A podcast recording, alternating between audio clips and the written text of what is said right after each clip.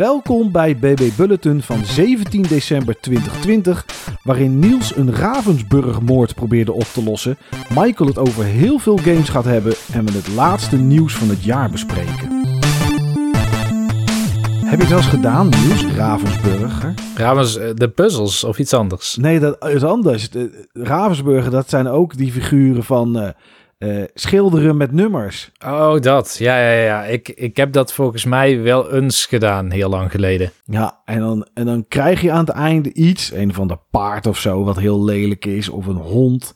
En dat hang je dan niet op en dan gooi je het weg. Ik, ik vond dat altijd zo nutteloos. Te- schilderen met nummertjes. Paint by numbers heette dat, hè? Ja, ja, inderdaad. Een schitterend schilderij voor op je kamer. Het nieuwe schilder op nummer met een ruime keuze aan schilderijen voor kunstenaars vanaf 7 jaar.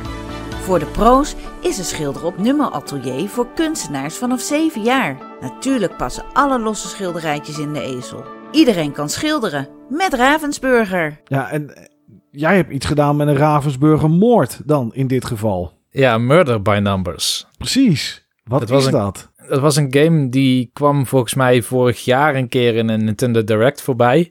Gewoon heel kort. Was een van de zeg maar, features in zo'n reel die langskwam met meerdere games erin. Mhm. En toen zei het me niet zo heel erg veel. Maar toen ik er wat meer over had gelezen in een artikel daarna, toen kwam ik erachter van dit is dus een game die gemaakt is door eh, de, in ieder geval, muzikant van de Ace Attorney games en Ja. Ghost Trick.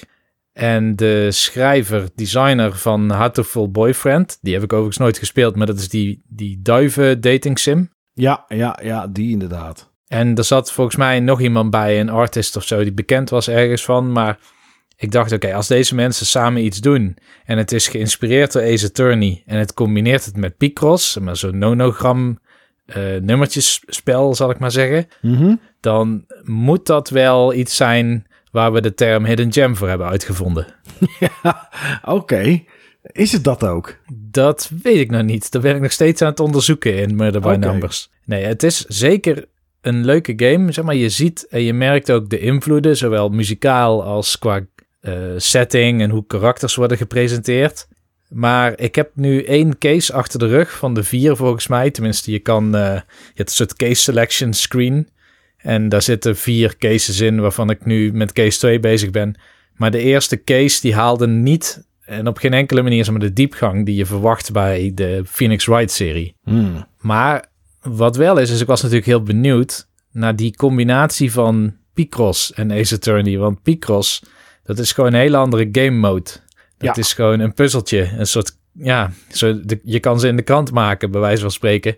Dus ik was benieuwd naar hoe hebben ze dat dan verbonden aan het meer detective en speurwerk en het ondervragen en het confronteren van verdachten met bewijsstukken. Nou, dat hebben ze best wel eigenaardig gedaan, want het wordt eigenlijk helemaal niet echt geïntegreerd. Oh. oh, dat is wel, eh, dat is wel mooi. Vooral om dan zo je titel ook te noemen. Ja, nou ja, de enige integratie, tenminste tot nu toe, is dat eigenlijk al het bewijs wat je zoekt. Dus je, je hebt een soort eh, point-and-click adventure mode, waarin je door ruimtes beweegt, of daar sta je in, die zijn stil, zeg maar. En dan kun je normaal zeg maar, op objecten klikken, weet je wel, die je op kan pakken of mee kan interacteren. Ja. Het enige ding is dat hier is het andersom. Je ziet de objecten niet, maar je hebt een soort van radartje, een soort hittedetector of zo, of metaaldetector. En als die heel hard gaat knipperen, dan moet je op dat punt klikken. En dan kun je een Picross puzzeltje oplossen. En het object wat uit het puzzeltje komt, dat verschijnt daar. Oké. Dus dat Eh, klinkt een beetje eigenaardig, vind je niet? eh, ja, het klinkt... eh, ja, ik weet het niet. Dit klinkt echt zo van... We willen iets anders doen. Laten we ze dan maar een puzzeltje oplossen. Ja. Nou hebben ze Ja. dan gelukkig het in ieder geval narratief op een bepaalde manier proberen te beantwoorden. En dat hebben ze gedaan doordat er een karakter bij zit en die heet Scout. En Scout is een soort Amiga-computer. En die vliegt met je mee. En. Scout is een computer die op, volgens mij op de vuilnisbelt is aangetroffen. Hij heeft zijn geheugen gewiped, of zijn geheugen is gewiped ergens door. Dus dat is dan onder andere een mysterie wat je volgens mij door die vier cases heen steeds meer ontrafelt. Ja. Dus wie is hij en wat, wat is zijn doel? Maar in ieder geval op dit moment is het een computer die gewoon een soort van factory reboot heeft meegemaakt en, en de wereld nog niet kent. Dus Hij kent nog geen pen, nog geen schroevendraaier, nog geen hamer, nog geen visitekaartje. Dus al die items die je dus vindt in die exploration mode. Die je bij elkaar puzzelt, bedoel je? Ja, die je bij elkaar puzzelt. dat is zijn manier van de wereld scannen. En objecten leren kennen en in een database storen. Want wat wel is, op, op het moment dat je bijvoorbeeld een schroevendraaier hebt gepuzzeld, dan zit hij in je inventory en dan kun je hem ook gebruiken bij het ondervragen van andere personages. Oké, oké. Dus eigenlijk is het een gewone detective game, maar in plaats van items op te pakken, moet je ze nu puzzelen. Komt het Ja. daar dan op neer? Daar komt het op neer, inderdaad. En verder is de detective game best in orde hoor, want het is een ja, jaren 90 thema. Dus de vormgeving, de props die overal staan, zeg maar, die doen je heel erg denken aan het tijdsbeeld jaren 90. De eerste case die speelt zich af op een filmset, waar een, volgens mij een televisieserie wordt opgenomen over twee detectives. En jij als speler speelt Honor, dat is dan het main character. En die Amiga Computer Scout, die volgt jou om meer van de wereld te leren. Maar Honor die wordt ontslagen in het begin van de game. En prompt daarna dan wordt haar, baas, zeg maar, degene die haar heeft ontslagen, wordt vermoord. Dus zij is een van de verdachten en dan kom je er al vrij snel achter. Dat wist je natuurlijk als speler ook wel, dat je zelf niet de verdachte bent. En dat er allerlei aanwijzingen zijn dat andere karakters die er zijn, eh, die iets met die set te maken hebben, dat die mogelijk wel de moord gepleegd kunnen hebben. Maar het blijft, en dat is het nu ook al in case 2, het blijft natuurlijk interessant dat jouw ontslag iets te maken heeft met die moord. Ja, precies. Ja. En je weet niet wat. Je weet alleen dat er een fan is geweest. En die heeft de baas bedreigd om je te ontslaan, want anders. En daarna was de moord dus gepleegd. Oké. Wat is de reden dat die soort computer, eh, die soort Amiga, met jou meegaat eigenlijk? Want waar komt dat ding ineens vandaan? Of is die er al vanaf begin af aan gewoon bij en moet je maar gewoon accepteren dat die er is? Eh, die was er ongeveer vanaf het begin af aan bij. Maar ik ben eigenlijk vergeten hoe die nou precies Honor heeft ontmoet. Hmm, oké. En dat met maar twee uur gameplay achter de rug. Ja. Dan ben ik dat alweer vergeten. Het waren drukke weken dan, Niels, denk ik. het waren behoorlijk drukke weken, inderdaad, ja. Ja. Maar is dit, is dit meer visual novel of moet je buiten de Picross puzzeltjes ook wel echt nadenken welk bewijs je laat zien of waar je iemand over ondervraagt? Ik denk tot nu toe, als ik de tijd uitdruk in de verschillende modes die je hebt, zeg maar, in de game. Dus visual novel is absoluut een deel waarop het verhaal wordt geleverd. Dan heb je inderdaad Picross en dan heb je meer het detective werk, het denkwerk en het verbinden van bewijsstukken. En ik zou de verhouding ongeveer aangeven als 70% Picross, 20% visual novel en 10% bewijsstukken. Oh, oké. Dat is wel een hoop Picross inderdaad. Ja, nee, het is bijna te veel Picross. Hmm. Oké, nou ja, goed. Ehm, vier chapters. Eén heb je er klaar. Als je ze alle vier gedaan hebt, zit er dan nog een geheime vijfde in? Of is het eh, gewoon vier en afgelopen? Of heb je nog geen idee? Nou, ik heb toevallig gelezen dat er vier zijn, maar dat de eerste heel kort is. Oké. En bovendien, je levelt ook, of ja, jij levelt als speler. En elke keer als je level up gaat, omdat je genoeg puzzels hebt opgelost zonder hints te gebruiken, dan krijgt Scout een extra puzzel die niks verder met het verhaal te maken heeft, maar die kun je wel oplossen als een soort bonus. Oh ja, net zoals bij professor Layton. Daar was dat ook inderdaad. Had Juist. je extra puzzels. Ja, Ja. ja, ja. Nou, je noemt daar wel een serie. Ik denk dat mensen die Professor Layton goed vinden en die Ace Attorney goed vinden, die vinden dit ook een hele leuke game. Al moet ik zeggen dat het eerste chapter komt niet bij die twee series in de buurt. Hmm. Maar het tweede, ik heb in ieder geval gelezen dat het steeds beter wordt. En de game kreeg ook best hoge cijfers. Een 9,5 had ik eh, gezien bij een review. Oké. 8,5 bij een andere. Dat kan niet zomaar zijn, dus ik denk dat ik nog iets moet meemaken. Ja, ja. Oké, nou ja, wel eh, grappig. Eh, weer eens wat anders. Ehm, al, is het, al doet het overal een beetje wat vandaan halen. De combinatie kan dus uiteindelijk misschien best wel goed uitpakken dan. Dat is wel, ja, dat is wel leuk. Ja. Ik eh, ben, eh, omdat dit de laatste Baby Bulletin van het jaar is, ben ik eens even terug gaan bladeren naar wat ik allemaal gespeeld heb in, eh, in of in ieder geval besproken heb in de Baby Bulletins. En er zaten een paar games bij waarvan ik dacht, ah, misschien moet ik daar nog eens even een keer wat over zeggen. En uh, want ik heb de laatste week niet echt iets nieuws gespeeld. Niet iets dat ik denk, nou, dat heb ik genoeg gespeeld om het over, om het over te hebben.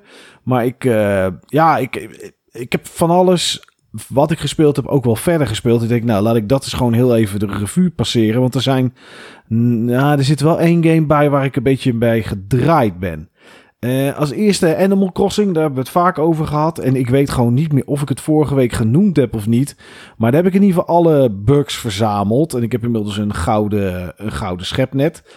Dus nou, uh, voor de rest was ik niet echt van plan om mijn eiland naar vijf sterren te brengen. Dus ja, voor mij is de game een, een beetje klaar. Ik ga met kerst nog wel een keer kijken. En misschien uh, voor of tijdens of na oud en nieuw. Om gewoon even te zien en de hoe en de wat. Uh, jij doet het nog wel meer spelen dan ik en Niels, of niet? Ja, ik speel het nog ongeveer dagelijks. Oké. Okay. En nu ligt er dus sneeuw. En met sneeuw komt er onder andere bij dat je een snow set hebt aan items die je kan craften. Ja. En om die item recipes te krijgen, moet je sneeuwpoppen bouwen. Ja, klopt inderdaad. Ik heb nog geen sneeuwpop gebouwd. Ik heb wel, uh, want je kreeg een recept van, uh, van Isabel. En dat was een of andere sneeuwvlok die je aan de muur kon hangen of zo. Door vijf grote sneeuwvlokken te, te vangen. Nou, dat heb ik dan wel gedaan met mijn gouden schepnet. Want ik denk, ja, nu moet ik hem gebruiken ook. En uh, ah ja, die heb ik dan wel gemaakt. En voor de rest heb ik gewoon een beetje rondgelopen met de bewoners gepraat. En ik geloof dat er vandaag wel weer een nieuwe bewoner bij mij uh, zijn intrek doet. Ik weet niet meer hoe die heet. Dus misschien dat ik daar nog wel eens eventjes uh, over ga, uh, of eventjes naar ga kijken. Um, Hades heb ik het ooit een keer over gehad. Had ik toen nog niet heel veel gespeeld. Die heb ik weer opgepakt en ben ik weer verder gaan spelen. En dit is wel een game nieuws die, die laat mij wel en dat komt door het grote boze internet. En misschien, misschien zijn het allemaal wel opscheppers. Maar ja, ik voel, ik voel me. En het kan zijn dat die mensen opscheppen. Maar een beetje, een beetje ja, kneuzige gamer.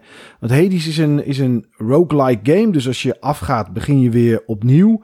En dan moet je dezelfde weg bewandelen die je al bewandeld hebt. Maar doordat je gaandeweg um, upgrades krijgt of oppakt, word je langzaam sterker en zou je steeds iets verder moeten komen. Nou, dat lukt ook wel en dat gaat ook goed. En de eerste baas die is ook neer. Maar ik ging eens kijken hoe vaak mensen erover gedaan hadden om die eerste baas kapot te krijgen. Want ja, ik had hem na acht keer proberen nog niet neer. En ik kwam wel steeds sneller bij die baas. En die baas ging ook wel steeds iets meer kapot. En op een gegeven moment had ik er tien keer over gedaan en had ik de eerste baas kapot. Nou ja, goed. Ik dacht van, dat duurt voor mijn gevoel best wel lang. Ik ga eens kijken. Ja, dan lees je op internet mensen die zeggen: ja, de, de tweede of derde keer had ik hem plat. En die daarop na uh, zes keer. En toen dacht ik: oh, ik heb over de eerste baas al tien keer gedaan. Dus het geeft me niet een heel goed gevoel, zeg maar. Uh, als, als gamer zijn. Maar aan de andere kant, hey, uh, ik beleef er enorm veel plezier aan. Die game verbaast mij elke keer opnieuw. Dus wat kan mij schelen dat ik er niet uh, zo hard doorheen loop als een ander. Maar uh, ja, dat was wel even. ik dacht van, hmm, oké, is hier iets aan de hand of zijn dit opscheppers? Nou ja, ik gooi het dan maar op opscheppers.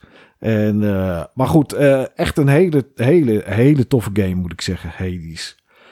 Uh, ik heb het gehad ooit over The Last of Us 2. En daar heb ik het ook in uh, podcast 100, Buttonbashers podcast 100 over gehad. Ik weet alleen niet of ik daarin verteld had dat ik de game had uitgespeeld. Misschien wel, misschien niet. Maar goed, dat heb ik wel gedaan. En uh, met gemengde gevoelens, waar ik het mee eindigde ooit in BB Bulletin dat het wat minder werd. Dat werd later weer wat beter. Dus het is echt zo'n game die wel redelijk sterk begon. Het middenstuk eh, vond ik niet zo goed. En het einde werd het weer wat beter. Met het echte einde. Dat ik dacht, eh, wat moet je hier nou mee? Maar ja, goed. Uh, dat is wel mijn gevoel aan het einde, zeg maar. Ik, uh, aan de ene kant had ik het niet willen missen. Omdat ik nu weet wat het is. Maar nu ik weet wat het is. Had ik het ook eigenlijk prima kunnen missen, eigenlijk. Uh, vorige week had ik het over nieuw Super Lucky Steel. Nou, die game had ik toen nog niet uitgespeeld. Maar inmiddels heb, is dat wel, wel gebeurd.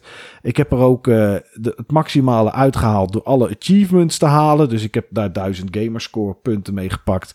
Uh, was niet heel makkelijk, want je komt toch als je wat verder bent en de levels iets uitdagender worden. Dan merk je toch wel dat de controls en de camera niet altijd je van het zijn.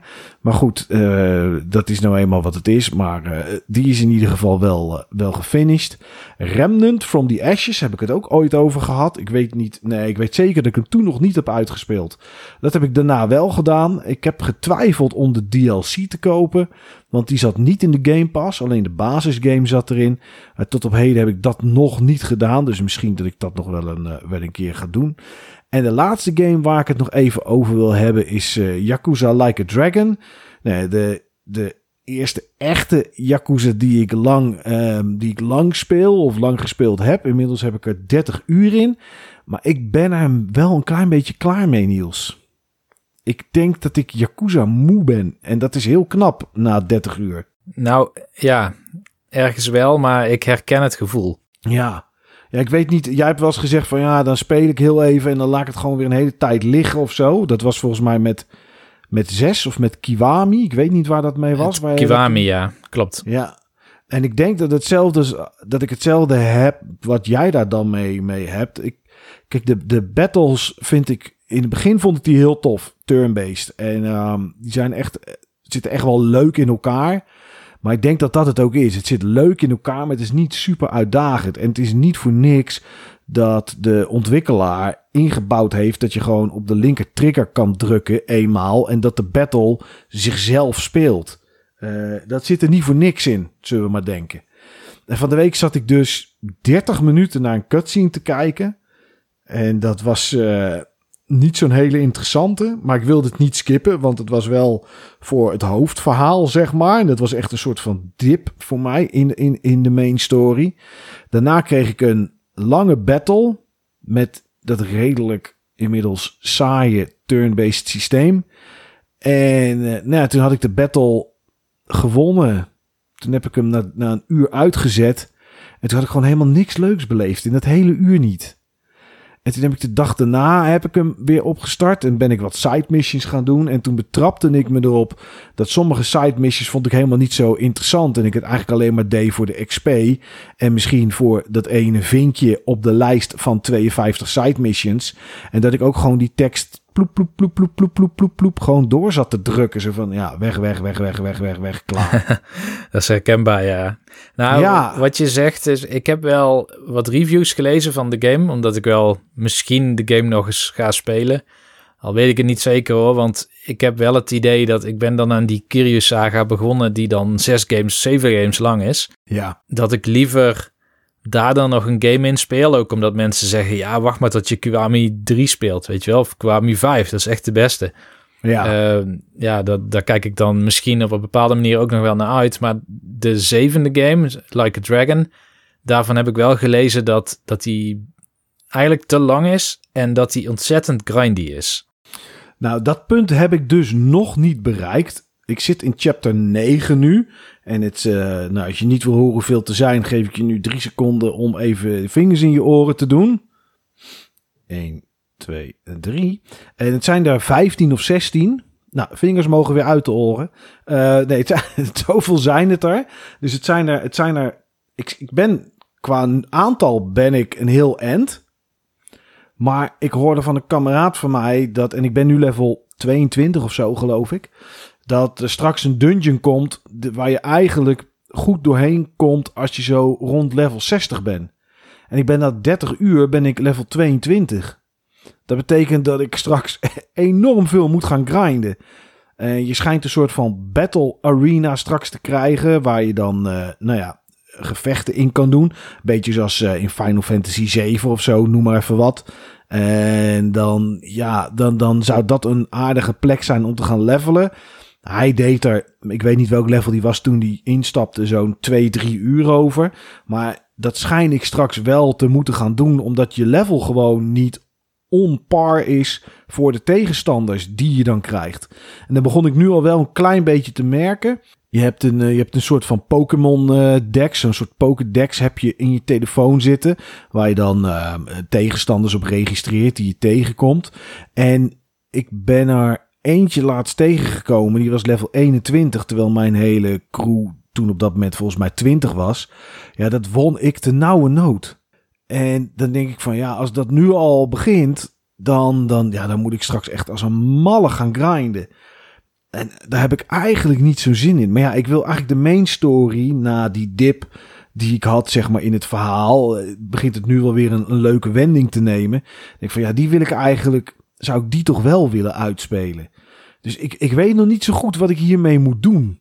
Ook omdat ik mezelf eigenlijk voorgenomen had van ik speel eerst eh, Like a Dragon uit en dan begin ik bijvoorbeeld aan Assassin's Creed Valhalla. Ja, ik weet niet of ik dat ga redden hoor. Dus ik, eh, ja, ik weet nog niet zo goed wat ik ga doen met deze game. Ik wil het wel uitspelen, maar het, het, het voelt wel echt als een soort van, ja, alsof het, het, het verven van je huis is of zo, zeg maar.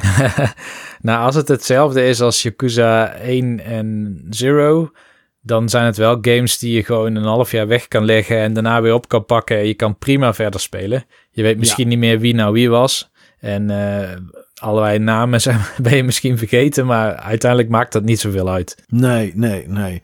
Dus eh, ja, ik, eh, ik weet het niet. Ik, eh, misschien dat van de week nog eens een keertje opstarten. En als ik dan denk na een uur van ja, oké. laat maar dat ik het dan gewoon echt wegleg. En dat ik gewoon iets anders ga spelen. Maar goed. Ja, tot zover even een, een klein overzichtje van, van games die gepasseerd zijn in Baby Bulletin. En waar, eh, nou ja, of mijn mening of de staat van de game eh, de afgelopen tijd nog van veranderd is. Het einde van het jaar is, is dikwijls niet zo heel erg bomvol met nieuws. En het begin van de week nieuws hadden we eigenlijk goede hoop. Want we zagen een Nintendo Indie World. We zagen Kojima die met iets, eh, met, nou ja, die vijf jaar bestond, zijn studio. En die had iets met nieuws. En er was nog iets, oh Tales. Er was een Tales of stream volgens mij. Ja. Eh, en uiteindelijk, althans voor mij in ieder geval, is daar uit alle drie helemaal niks interessants gekomen. Maar goed, eh, la- laten we er even langslopen. Is er iets wat jij wil vertellen uit de Tales stream die je gezien hebt? Ja, dat eh, Tales of Arise weer is uitgesteld en dat er geen andere game is aangekondigd. Oké. Nou, eh, dat is heel mooi. Ja. Eh, iets anders dat ik voorbij zag komen. Super Meat Boy Forever. Het eigenlijke, echte, eindelijke deel 2 op Super Meat Boy. Komt op 23 december. Nog komt dat uit van dit jaar voor PC en voor Switch. Switch is de eerste console waar die voor uitkomt. Dus die is tijdelijk console exclusive. Ehm, eerder hebben we gemeld, een keer tenminste ik ooit, dat Take-Two Codemasters zou eh, overgekocht hebben voor, ik geloof, 750 miljoen of zo. Maar het bleek dus dat die deal nog niet rond was. Het was een bot wat ze erop gedaan hadden. En eh, daar is iemand overheen gegaan, namelijk EA. Ja, ik weet niet of dat goed is voor Codemasters of niet. We hebben gezien wat er met eh, Westwood bijvoorbeeld eh, gebeurd is. Maar goed. Ik, ik ben vooral benieuwd wat Criterion ervan vindt, die juist van EA was weggegaan. Ja, daar zit wat in inderdaad, ja. Ja, ja 1,2 miljard dollar. Dat is wat EA eh, neer wil leggen voor, eh, voor Codemasters. Eh, dat is tot nu toe het hoogste bod. Het zou nog kunnen dat iemand dat wegkaart. Want ik geloof dat het drie maanden duurt voordat de deal helemaal rond is. Maar ja, EA lijkt het, lijkt het te gaan kopen. Eh, ander EA-nieuws, en dat is waar veel mensen een beetje betreurd om waren, is dat afgelopen, afgelopen twee dagen geleden, dat klinkt heel raar, maar zo is het. Eh, 15 december zou EA Play uitkomen voor de PC eh, via Game Pass. Als je Game Pass van Microsoft, eh, als je daar een abonnement op hebt en je hebt dat voor de Xbox zelf, dan eh, kon je vanaf eh, 10 november alle games uit, eh, uit EA Play kon je daar eh, kon je daar via downloaden en spelen. En voor PC zou het op 15 december komen. Maar dat is uitgesteld. Eh, er is niet verteld waarom het is uitgesteld of waarom het niet werkt. En de datum waar naartoe het is uitgesteld is ook onbekend. Het is nu ergens in 2021. En daar zijn mensen een beetje boos om. Er zijn mensen heel snel boos, maar die zijn er een beetje boos om. Want er zijn redelijk wat mensen. Toevallig ken ik ook een kameraad van mij die eh, heeft hetzelfde gedaan. Die heeft Xbox Game Pass gekocht omdat vanaf 15 december daar EA Play in zat. En ze maakten het bekend op de, op de dag zelf. Dus op 15 december. En een paar dagen daarvoor tijdens de Game Awards werd nog vrolijk aangekondigd. Vanaf 15 december zit EA Play in de Game Pass op PC. Dus ja, eh, hier zijn mensen niet heel erg blij mee. En begrijpelijk. Ja, zeker weten. Ehm, Kojima heeft niks nieuws laten zien en ook helemaal niks verteld of zo, Niels. Dat was ook niks, hè? Ik heb het niet gekeken. Ik heb alleen gezien en aan jou doorgegeven van... wacht, er komt morgen iets. Kojima Games gaat iets eh, laten weten op Twitter of zo. Ja. Later werd bekend, het wordt geen game. Maar ik weet niet wat het wel is. Nee. Nou ja, niks in ieder geval van het eh, nieuwe project. Volgens mij, eh, nou, volgens mij zat er helemaal niks bijzonders in. Ik heb het ook niet gezien. Ik dacht van, nou, weet je, ik, ik, ik hoor het wel wat daar dan in zit of wat ze verteld hebben. Maar uiteindelijk is dat helemaal niks, eh, niks geworden. Eh, wat ook helemaal niks geworden is, is Cyberpunk op de PS4 en op de Xbox One. Nou, daar hebben we het vorige week al een beetje over gehad, maar eh, deze nou ja, soap is het al eigenlijk niet meer. Het is gewoon ellende. Duurde deze week ook voort. Want mensen hebben bij Sony hun geld teruggevraagd.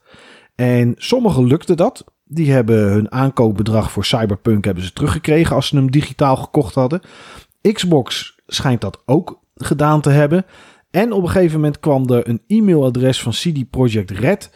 Waar je ook naartoe kon mailen als dat niet lukte. En toen draaide het in één keer om. Toen kregen mensen bij Sony in één keer geen refund meer. Eh, sommige mensen kregen het nog wel, maar dat was als je nog nooit een refund had aangevraagd. Want blijkbaar is dat een soort van criteria. Ik vind het een hele vreemde, maar goed. En ehm CD Projekt Red draaide in één keer om. Die, die kwam ook in één keer met een bericht naar buiten. Waar ook een excuus in stond. Voor het eh, niet hebben laten zien van de PS4 en Xbox One beelden. Nou ja, dat, als je ziet hoe het eruit ziet en hoe het loopt, vind ik dat echt schandalig dat ze dat niet hebben gedaan. En, en, en nu geeft Sony ook geen geld meer terug, want die zegt ja, in januari en in februari komen er, eh, komen er patches uit. En eh, ja, als die er zijn, dan moeten de problemen allemaal opgelost zijn. Dus moeten die mensen maar wachten. Ja, dat kan toch niet, Niels? Nee. Het is Nee. echt. Ik snap, ik snap hier helemaal niks van. Dat- eh, Het is gewoon prut. Dan geef je toch die mensen gewoon hun geld terug. Ja, dit is bijna een soort van morele beslissing of zo. Eh, Rami Ismail van Flambeer, of Weile Flambeer zal ik maar zeggen. Ja. Die had op Twitter gepost, omdat er natuurlijk heel veel mensen boos waren. En zeiden, hoe kan dat, dat Sony geen refund doet en het product is defect.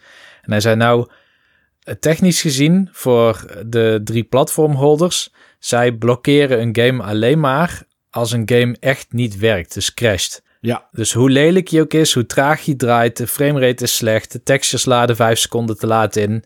Dat is niet een defect product. Klopt, ik heb dat gelezen inderdaad. Ja, hij had een heel lijstje. Hij wilde niet alles vertellen, want dat mocht hij waarschijnlijk ook niet. Of daar kreeg hij misschien gemekker mee, zei hij. Maar hij had een lijstje inderdaad waar een game op goed en op afgekeurd wordt. Maar dat je ook voor sommige problemen kan zeggen... ja, dat lossen we in de day, eh, day one patch op. Ja, en dan los je dat niet op. Dan krijg je daar soms ook een pas voor of zo, toch? Dat het dan gewoon erin mag blijven zitten. Ja, Ja, bizar. Want ze testen dan wel op zaken als ehm, eh, laat de game de console crashen en kan je je controller er gewoon uittrekken en dan dat hij hem weer oppikt. En of de tekst in de minuutjes wel goed Engels is of zo. Zoiets zag ik er ook tussen staan. ja, ja. Ik heb daar zelf natuurlijk ook mee te maken gehad met die... eh, bij Nintendo heten ze lotchecks en bij Sony heten ze TRC. Ja, En er zitten enorme documenten onder met waar het allemaal aan moet voldoen. En dat is bijna nooit heeft het met de inhoud van de game te maken. Het heeft bijna altijd te maken met dat, ehm, dat de game überhaupt draait of dat die, dat die responsive is. Weet je wel, dus als je op de home button drukt, dat die dan niet een paar seconden wacht, omdat mensen dan denken dat hun console defect is. ja, ja. ja. Oké. Het moet duidelijk zijn dat het niet de schuld is van Sony, Microsoft en Nintendo. Zeg maar. Als dat is, dan is het goed. Dan mag je die game gewoon shippen. Ik denk dat dat onder de streep een beetje is hoe je het kan, eh, kan abstraheren. Ja, ah, dat is echt toch bizar. Ja, goed. Mensen krijgen dus hun geld nu niet meer terug. En eh CD Projekt Red eh, heeft dat e-mailadres, eh, ik geloof iets van helpdesk was of zo, weet ik veel. Ehm, daar doen ze voor de rest ook niet zoveel meer mee. En ja, mensen moeten maar wachten tot januari en februari als de patches uitkomen. Ja, het is echt, het is echt te schandalig voor woorden. Maar goed, ik, ja, je kan er niks mee. Ja, als je misschien een fysiek hebt gekocht in de winkel, kan je misschien hopen dat je hem terug mag brengen. Maar goed. Pieuw. Hallo, hier spreekt Mike uit de toekomst. Ik was eh, deze aflevering aan het editen en eh, nou ja, ik was bij het stukje waar jullie nu zijn van Cyberpunk. En eh, vandaag, of het was gisteren denk ik, Nee, vandaag zijn er nog ontwikkelingen geweest. En die wilde ik eigenlijk toch heel even wel, om het verhaal compleet te maken, in deze uitzending stoppen. Dus vandaar even een kleine onderbreking. Ehm, Sony heeft de game helemaal verwijderd uit de PlayStation Store. Cyberpunk 2077 is niet meer te koop voor de PS4 of voor de PS5. En ze doen ook op dit moment niet moeilijk meer over de um, refunds. Dus als je de game toch terug wil geven, dan kan dat. Doen ze niet moeilijk en krijg je je geld terug. Nou ja, dat geeft wel aan hoe verschrikkelijk kapot deze game is. En hoe verschrikkelijk slecht het dan uiteindelijk is. En nou ja, de druk waarschijnlijk van alle mensen die de game uh, gekocht hebben. Misschien de media hier en daar links en rechts een beetje. Dus uh, ja, uh, dat wilde ik nog even kwijt. En ik voorspel, en Niels kan niet tegenspreken, want Niels die, ja, die heb ik op dit moment niet aan de lijn. Ik voorspel dat hij voor de PS4 niet meer terugkomt. Maar dat is misschien een hele grote voorspelling die niet klopt. Maar dat is een voorgevoel. Nou goed, terug naar de uitzending. Oei, oei, oei, oei, oei. Uh, ja, tot slot dan de Nintendo Indie World uh, presentatie van gisteren, zeg ik even uit mijn hoofd. Uh, zat daar nog iets tussen voor jou, Niels?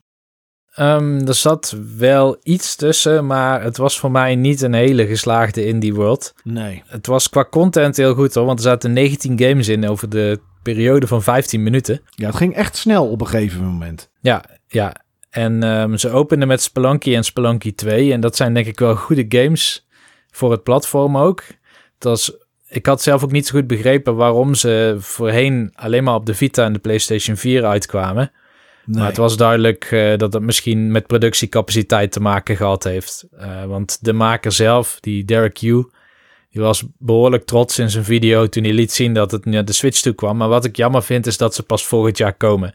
Dus liever ja, had ik maart gezien... of zo? Ja, precies. Ik had liever gezien nu Spelunky 1 en dan in maart Spelunky 2. Ja. Misschien dat ze beide nog moeten porten of zo, of mee bezig zijn of geoutsourced worden. Geen idee. Nee, nee, inderdaad. Daarnaast was er een game Cyber Shadow, die is veel mensen opgevallen. Die wordt gepublished door Yacht Club Games. Yacht Club Games. oh, met die Griekse ei, toch? Yacht uh, iets. Ja, van uh, Ja. Shovel Knight. Ja, Maar die, de maker is een andere. Dus je- het lijkt misschien op een, op een eh, Shovel Knight-achtige game, maar hij wordt door Mechanical Head Studios gemaakt. En het is een soort ja, ninja game of zo, weet je wel. Eh, een, een Ninja Ja. Gaiden-achtig. Goed, ik denk dat het voor sommige mensen wel leuk is. Eh, ik ben benieuwd naar Gnosia. Dat was een hele lelijke visual novel. Ja hoor, daar komt hij weer.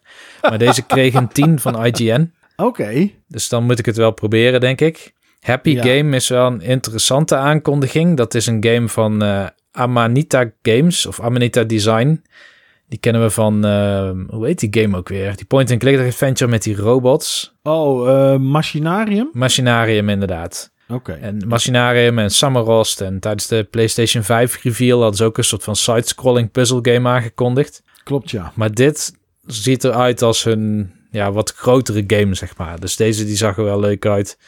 Maar ik denk dat wat voor de meeste mensen, naast natuurlijk Super Meat Boy die je net al noemde, maar wat voor de meeste mensen het interessantst was, is dat Among Us naar Switch komt. Ja, En ook eerst naar Switch, maar. Hij wordt vast ook nog wel geport naar de andere platformen. Maar Among Us was de grootste game van 2020. En, ja. en dat is wel interessant dat hij dan naar een platform wordt gepoord. Daar meteen binnen een nacht de best verkochte game wordt van de maand. Ja. Dus het, eh, het is best een succes. Ik heb hem nog niet gespeeld op de Switch, wel op de mobile phone. Eh, ik vind het een heel leuk spel. Als je met de juiste mensen bent. En het is denk ik leuker als je die mensen ook kent en mee kan chatten. En Ja. hoe dat dan gaat op de Switch, geen idee. Toen zeiden Nee, mensen, inderdaad. ja, de- dan kun je hem beter op een ander platform spelen. Maar het ding is dat op de PlayStation en Xbox zou het ook niet werken. Want crossplay is hoe het werkt met multiplayer. Dus je kan Ja. ook met, eh, met een party chat of zo kun je nog steeds niet chatten met iedereen. Nee, nee, nee. Als je tegen iemand die op zijn telefoon zit, als je daarmee gaat spelen, dan wordt het, dan wordt het allemaal heel lastig om dat allemaal met een partychat aan elkaar te koppelen. Ja, ja. En voor de mensen die het niet kennen, het is een soort weerwolven. Dus Ja. je hebt als poppetjes, zeg maar, als astronautjes, en misschien kom ik er later nog wel een keer op terug. Je krijgt een soort van takenlijstje. Zet de engine aan in de engine room, ga dan naar de keuken en doe dit. En daarna moet je nog ergens een hendel overhalen. En je bent misschien met z'n zes of met z'n achten. En dan zijn er een paar tussen jou. Die zijn stiekem, ehm, ja, zeg maar verraders. Ja. En hun missie is het om alle goede spelers, dus die spelers met die taakjes, om te leggen. En dat is heel spannend, maar het is natuurlijk het leukst als je aan het eind van een ronde elkaar kan beschuldigen. Van ik was hier en ik zag toen een sneaky naar me toe lopen en hij, steekt, hij stak mij. En dan kun je natuurlijk terugkomen met eh, wat zeg je nou? Eh, het is mij wel duidelijk dat jij de verrader bent. Weet je wel, die- die dynamiek die je hebt, die bordspellen ook zo interessant maakt, die zit ook hierin. Maar ik weet dus niet of dat je die ook hebt als je niet met elkaar kan praten. Misschien moet ik hem gewoon eens kopen, gewoon om te kijken wat het is. Ja, ja, ja. Ja, ik, mijn dochter speelt het ook wel op de telefoon. Die vindt het ook leuk. Ja, dan kan je ook niet echt chatten, tenminste voice chatten met, met anderen. Je kan geloof ik op de rondes dat je kan stemmen, kan je wel tikken, volgens mij. Maar ik weet niet of dat voldoende is om het dan, eh, om het dan leuk te maken en te houden. Maar eh, ja, goed, het heeft het in ieder geval goed gedaan eh, op, op Switch in de verkoop. En dat was hem, Niels. En dat was hem niet alleen voor vandaag, maar ook voor de rest van het jaar. Ja, ja. Ik moet eraan geloven. laatste, is de laatste podcast eh, die we uit, eh, uitpersen. Nou ja, persen klinkt overdreven, maar eh, ja, we moeten eraan geloven. Weet jij, en dat weet je niet, maar je weet dat ik het wel weet, want anders ging ik jou die vraag niet stellen. Hoeveel BB Bulletins we dit jaar gemaakt hebben? Die vraag had ik inderdaad niet verwacht. Ik Nee. vermoed. Ik vermoed. Ik denk ergens in de 30. Oké, nou het is wel een rond getal, maar deze is de 40ste BB Bulletin. Die, we, die we dit jaar, eh, dit jaar hebben gemaakt. Dus eh 40 weken lang hebben wij, eh, volgens mij zat er vanaf toen we begonnen tot aan nu één keer een week tussen dat er één week geskipt was. Ergens in mijn vakantie of zo. En, ehm, maar ja, we hebben 40 weken lang eh, elke week er een, eh, een, podcast, eh, een podcast online gezet. En ja, dit is dan de laatste van dit jaar. Wij gaan zelf nog wel iets opnemen eind van het jaar, maar dat is voor het jaaroverzicht. Dus dat komt dan niet meer online dit jaar. En ehm, ja, het begin van het nieuwe jaar zijn we gewoon weer terug. Ja, zeker. Tenminste, dat beslis ik gewoon even voor jou. Ja, nou, ik ga daar dan gewoon eh, volgzaam in mee. Ja, oh kijk, nou dat is dan wel mooi. Dus eh, ja, vanaf eh, deze plek wil ik iedereen die dit voor de feestdagen beluistert, een hele fijne kerstdagen wensen. Ik hoop dat het allemaal een beetje lukt met alle regeltjes en, en dat soort dingen waar we, waar we ons toch aan moeten houden. Ja, en hetzelfde voor de jaarwisseling, dat die maar goed en nou ja, veilig zal wel, wel lukken met het vuurwerkverbod. Maar goed, je hebt altijd nog zoiets als alcohol en mensen die toch doen. Maar goed, eh, hou het allemaal heel, zou ik zeggen. Heb een goede jaarwisseling. En dan, eh, dan zijn wij volgend jaar weer terug met eh, meer BB Bulletin. En ook met eh, meer Button Bashers podcast. Maar goed, dat, dat horen jullie tegen die tijd vanzelf wel. Eh, bedankt voor het luisteren en tot volgend jaar.